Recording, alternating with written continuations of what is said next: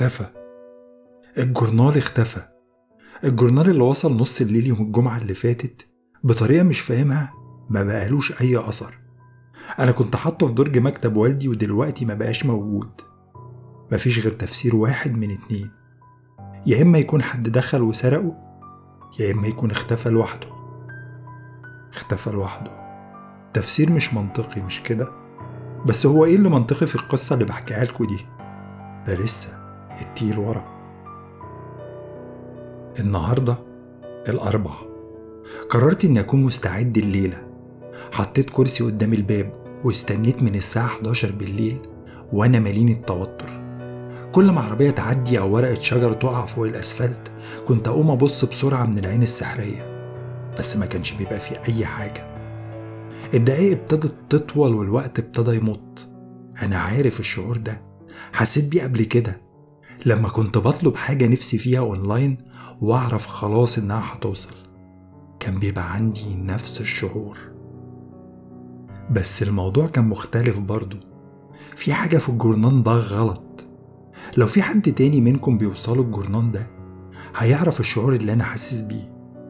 إحساس إنك باصص على حاجة مش المفروض تشوفها.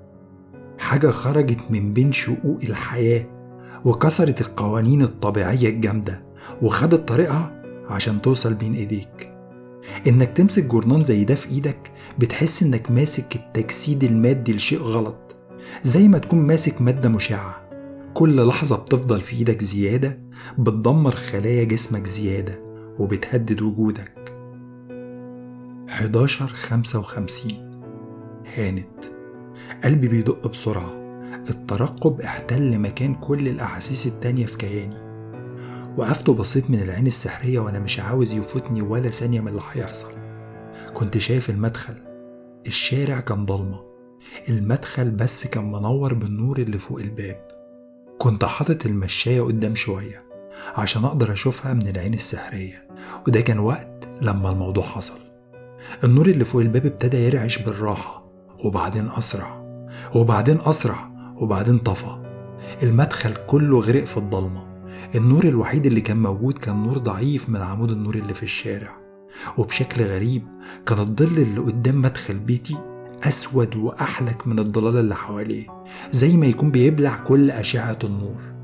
وبعدين فجأة النور رجع تاني ومن العين السحرية كنت شايف المدخل بشكله الطبيعي. واللمبة اللي فوق الباب كانت منورة عادي كأن مفيش أي حاجة حصلت من شوية. بسرعة لفيت المفتاح وفتحت الباب. المدخل كان فاضي والشارع كان هو عدت ثانية وبعدين ثانية تانية وبعدين أصوات العالم الطبيعية ابتدت ترجع لوداني تاني. بصيت لتحت على المشاية كانت موجودة. رزمة من الورق الأسود ملفوفة بطبارة سودة على شكل رول. اترددت شوية قبل ما أمسكها. هل أدخلها معايا جوه؟ هل أقراها هنا؟ هل أقراها أصلا؟ بعد ما فكرت شوية مسكت الجورنال أنا كده كده قريت الجورنال بتاع يوم الجمعة. جسر الرجوع اتحرق. يعني بالعامية الفصحى لبست. خدت الجورنال ودخلت أوضة والدي وحطيته على المكتب. السكينة كانت موجودة وكل حاجة كانت جاهزة. ما كانش فاضل غير إني أقرأ. مسكت السكينة وقطعت الدبارة. اتفرجت على الجورنان وهو بيفرد نفسه زي وردة غريبة بتفتح. على طول الكلمات البيضة ظهرت قدامي وابتديت أقرأ. كان في كذا ورقة المرة دي بس زي المرة اللي فاتت ما كانش فيه غير قصة واحدة وده اللي كان مطبوع على الصفحات السوداء قدامي. دكتور الاستئصال نقطتين فوق بعض بعد تقديم عدد كبير من البلاغات السلطات تحذر من شخص غريب مشهور باسم دكتور الاستئصال. السلطات المحلية بتطلب من المواطنين إنهم يبعدوا عن الأشخاص الغريبة اللي ممكن يقابلوهم في الأماكن العامة ويحاولوا يتعرفوا عليهم وبتطلب منهم كمان إنهم يبعدوا عن الأماكن أو المباني المهجورة. الموضوع ابتدى من شهور قليلة. أول بلاغ ظهر على شكل بوست في منتدى من منتديات الإنترنت. المنتدى ده بيناقش التجارب مع الأشخاص الغريبة. الشخص اللي نشر ال post واللي كان مستخدم اسم user 1508 قالت إنها كانت بتتمشى في حديقة عامة. لما لقت راجل قرب منها وعرفها بنفسه على إنه دكتور الاستئصال. user 1508 كتبت إن الراجل كان لابس شيك وبيتكلم بطريقة مهذبة وعنده قدرة غريبة على الإقناع. الراجل ادالها كارت وسابها ومشي. الكارت ده هي بتقول إنها ضيعته. بس على حسب كلامها الكارت ده ما كانش فيه غير عنوان مطبوع على الناحيتين. تاني يوم قررت تشوف مكان العنوان ده فين.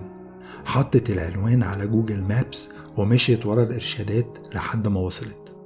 وده عشان تلاقي نفسها قدام مبنى مهجور من سنين. ما استسلمتش. لقت باب مفتوح ودخلت منه. جوه المبنى ولدهشتها لقت نفسها في عيادة حديثة. الأرضيات متغطية بسيراميك نظيف الحوايط كانت مدهونة بلون أبيض وكان في ستاير سودة مغطية الشبابيك المكسرة. الإضاءة كانت عبارة عن وحدات fluorescent متعلقة من السقف. ودي طبعا كانت حاجة مختلفة تماما عن الخرابة اللي user 1508 كانت متخيلها في دماغها لما شافت المبنى المهجور بس دلوقتي الأفكار اللي في دماغها خدت اتجاه تاني. راحت ناحية مافيا تجارة الأعضاء وبالفعل دي كانت نص الحقيقة. هي وضحت بعد كده إنها لقت باب العيادة على الواجهة الخلفية للمبنى خبطت ورحبوا بيها ودخلت. اللي كان مستنيها كان مكتب استشارات طبية نفس مستوى المكاتب في المستشفيات الاستثمارية الفاخرة. المكتب ده كان فيه كذا باب بيوصلوا لكذا أوضة. باب كان مكتوب عليه غرفة الأشعة المقطعية. باب تاني عيادة الأسنان. وفي نص الأوضة بالظبط كان في مكتب خشب. وورا المكتب ده كان قاعد الراجل اللي قابلته في الحديقة العامة. يوزر 1508 ما كانتش قادرة توصف الراجل بوضوح في البوست بتاعها. كل اللي قالته إنه كان لابس بالطو دكتور ونص وشه كان متغطي بماسك طبي. الراجل دخل في الموضوع على طول من غير ما يضيع وقت. عرف نفسه تاني بأنه دكتور الاستئصال وشرح لها إن شغلته بكل بساطة إنه بيستأصل بين قوسين الحاجات من الإنسان. قال لها بكل ثقة أي حاجة ممكن تفكري فيها ممكن أستأصلها. هي طبعا ما اقتنعتش وفي نفس الوقت ابتدت تقلق. بس الراجل طمنها قال لها إن الموضوع ده تطوعي وإن فيه إمكانية إنه ينقذ أرواح. وبعدين سألها قوليلي على أي حاجة أنت ما بتحبهاش في نفسك؟ جزء من جسمك ذكرى أو حتى عادة سيئة أي حاجة أي حاجة حتى لو كانت ورم سرطاني أو شريان مسدود. في ال post بتاعها user 1508 بتعترف إنها ما كانتش في حالتها الطبيعية. وده لأنها ما مشيتش ورا أجراس الإنذار اللي دقت في عقلها. أجراس الإنذار اللي حاولت تفكرها بكل القصص المعروفة عن الناس اللي كانت في نفس موقفها وصحيوا لقوا نفسهم في بانيو مليان تلج وعضو من أعضاء جسمهم مسروق. لحسن الحظ المصير ده مش هيكون مصير user 1508 ولا مصير أي حد قابل الراجل ده. مش هيبقى في بانيو مليان تلج على الأقل. الست قررت إنها مش هتستأصل أي عضو من أعضائها الحيوية. ممكن تكون كانت خايفة إن يكون في حد بيسمع ويتصرف بسرعة على أساس كلامها اللي هتقوله. رغم كده قالت إن ما عندهاش أي مانع إنها تتخلص من عادة سيئة عندها وهي الكسل. الدكتور هز راسه زي ما يكون متوقع الإجابة دي وبعدين وضح لها إن دي عملية بدل. هيستأصل حاجة هي مش عاوزاها في نفسها وفي المقابل هيستأصل حاجة تانية هيختارها. الحاجة التانية دي هتكون منها برضه كانت مترددة في الأول بس في الآخر وافقت ووافقت إن الراجل ياخدها يوديها غرفة الفحص. بعد ساعات قليلة يوزر 1508 فاقت ولقت نفسها في نفس المبنى. بس كل شيء حواليها كان مختلف. الأرض ما كانتش نظيفة والحوايط كانت دهاناتها مشققة. وما كانش فيه غرف فحص ولا معدات طبية من أي نوع. الست بتقول إنها لمت نفسها وندمت إن اتضحك عليها بطريقة ما تدخلش على عيل صغير. وبعد ما فلت جسمها وهي بتدور على أي أثر لغرز أو جروح ما لقيتش أي حاجة ولا حتى كدمة. وده اللي هي قالته. بعد أيام قليلة يوزر 1508 اكتشفت إن في حاجة فعلا حصلت في المبنى ده. هي بتشتغل مؤلفة. وما كانتش بتقدر تبتدي تكتب إلا لما تقضي ساعات بتتفرج على اليوتيوب أو تلعب بألعاب الموبايل.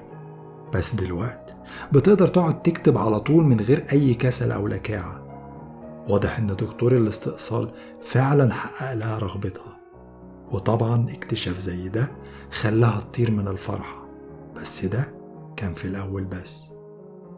بعديها على طول حست إن في حاجة غلط. في الأول الإحساس ده جالها لما كانت بتكلم أختها وبنتها اللي لسه مولودة فيديو كول. وبعدين لما صاحبتها جات لها تزورها. في الآخر كل شك إن في حاجة غلط اتأكد قدام مراية الحمام. كانت مهما تحاول ما كانتش بتعرف تضحك. بعد زيارة دكاترة كتير السبب كان لسه مش معروف. في دكاترة قالت إنه ممكن يكون شلل بسيط في عضلات الوجه نتيجة للإجهاد. بس طبعا user 1508 كانت من جواها عارفة السبب الحقيقي. هي كانت مقتنعة إنه دكتور الاستئصال. كتبت في ال post بتاعها أنا بكرهه. كل الناس كانت بتقول إن عندي أجمل ابتسامة ودلوقتي راحت. بس ليه؟ ليه ياخد ضحكتها؟ الست وصفت آخر لحظات ليها قبل ما تغيب عن الوعي ودكتور الاستئصال بيديها حقنة البنج. شافت أوضة كان بابها نص مفتوح شافت من الباب ده نقالة وعليها غطا. واضح من شكل الغطا إن كان في جسم تحتيه بس شكل الجسم ده ما كانش مظبوط كان في حاجة غلط. يوزر 1508 كتبت إن كان في أجزاء ناقصة من الجسم ده بس هي متأكدة إن الشخص ده كان عنده راس ورجلين. كان في برطمانات محطوطة على رفوف فيها أجزاء مختلفة من جسم الإنسان. الست بتقول إن في ليالي بتحلم فيها إنها رجعت العيادة الغريبة دي وإنها وهي تحت تأثير البنج اتهيأ لها إن سمعت الدكتور بيقول خلاص الموضوع قرب يكمل. قصص تانية ابتدت تظهر وتحكي عن دكتور الاستئصال. واحد قال إنه طلب من الدكتور استئصال إدمانه للسجاير وفي المقابل الدكتور استأصل لسانه. واحد تاني طلب منه إنه يستأصل خوفه من الأماكن المرتفعة. في المقابل الدكتور استأصل قدرته على السواقة. وفي واحد كان عنده ورم في المخ. الدكتور استأصله واستأصل معاه رجل من رجليه. واحدة ست طلبت إن اكتئابها يروح وكانت النتيجة إنها فقدت عين من عينيها. account من ال accounts اللي بتنشر قصص عن دكتور الاستئصال بتدعي إنهم لقوا جثة شخص مفقود من غير راس وإن ده أكيد ضحية من ضحايا الدكتور. ومع ذلك لما حد كان بيسأل صاحب الأكاونت ده طب الدكتور خد إيه في المقابل؟ كان بيرد أكيد طلب استئصال حاجة كبيرة ممكن تكون حاجة مشتركة بينه وبين ناس كتيرة زي الفقر مثلا. كل دي طبعا مجرد استنتاجات. بس الأكيد إن في شيء مشترك ما بين الجثة اللي من غير رأس وضحايا الدكتور التانيين. في جميع الحالات ما كانش لا في غرز ولا جروح. اللي خدوا الدكتور كأنه ما كانش موجود من الأصل. وده اللي خلى البوليس والدكاترة اللي بيحققوا في الموضوع محتارين. المنشور ده بيفكرك تاني إنه بناء على طلب الشرطة لو في راجل غريب قرب منك وعرفك بنفسه على إنه دكتور الاستئصال استأصل انت نفسك من قدامه واتصل بالشرطة. ما تروحش العنوان اللي موجود على الكارت وما تطلبش ان اي حاجة تستأصل منك أو من شخصيتك لانك أكيد هتفقد حاجة في المقابل. خلصت قراية وحطيت الجورنال على المكتب. شعور بالارتباك ابتدى ينتشر جوه عقلي زي المرض الخبيث. كنت حاسس بقلبي وهو بيدق بسرعة تاني. كنت عارف إن في حاجة غلط وده مش عشان الكلام اللي قريته في الجورنان ولا الطريقة اللي اتسلم بيها.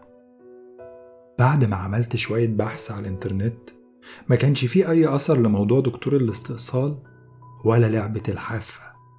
لعبة الحافة فاكرينها؟ طب ليه الجورنان كان بيقول إن القصص دي منتشرة على الإنترنت؟ ممكن يكون الكاتب مفبرك القصص دي؟ مش عارف. إحساسي بيقول لي إن القصص دي مش متفبركة بيقول لي إنها حقيقية. وشكلها كأنها بتحصل في مكان قريب مني. قررت إن آخد شوية صور بالتليفون للجورنان لما حاولت اكتشفت إنها مهمة صعبة.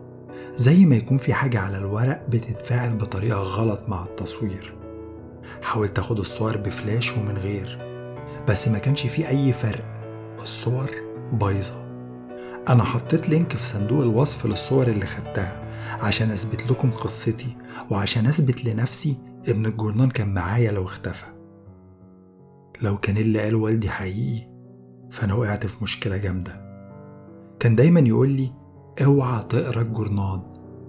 ولما كنت بسأله ليه كان ما بيردش عليا غير بكلمتين ما تقرأهوش وخلاص. كنت فاكر إنه بيحاول يخوفني. وبعدين نسيت كل حاجة عن الموضوع.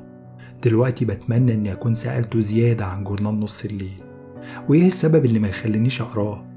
أو أسأله هل ممكن ألمسه أو أدخله معايا البيت؟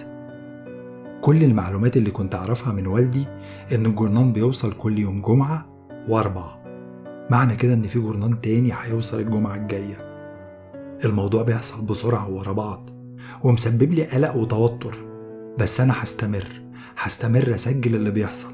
والمرة الجاية هخلي الباب مفتوح لما الظل يظهر تاني وأرجع لكم. ده لو قدرت.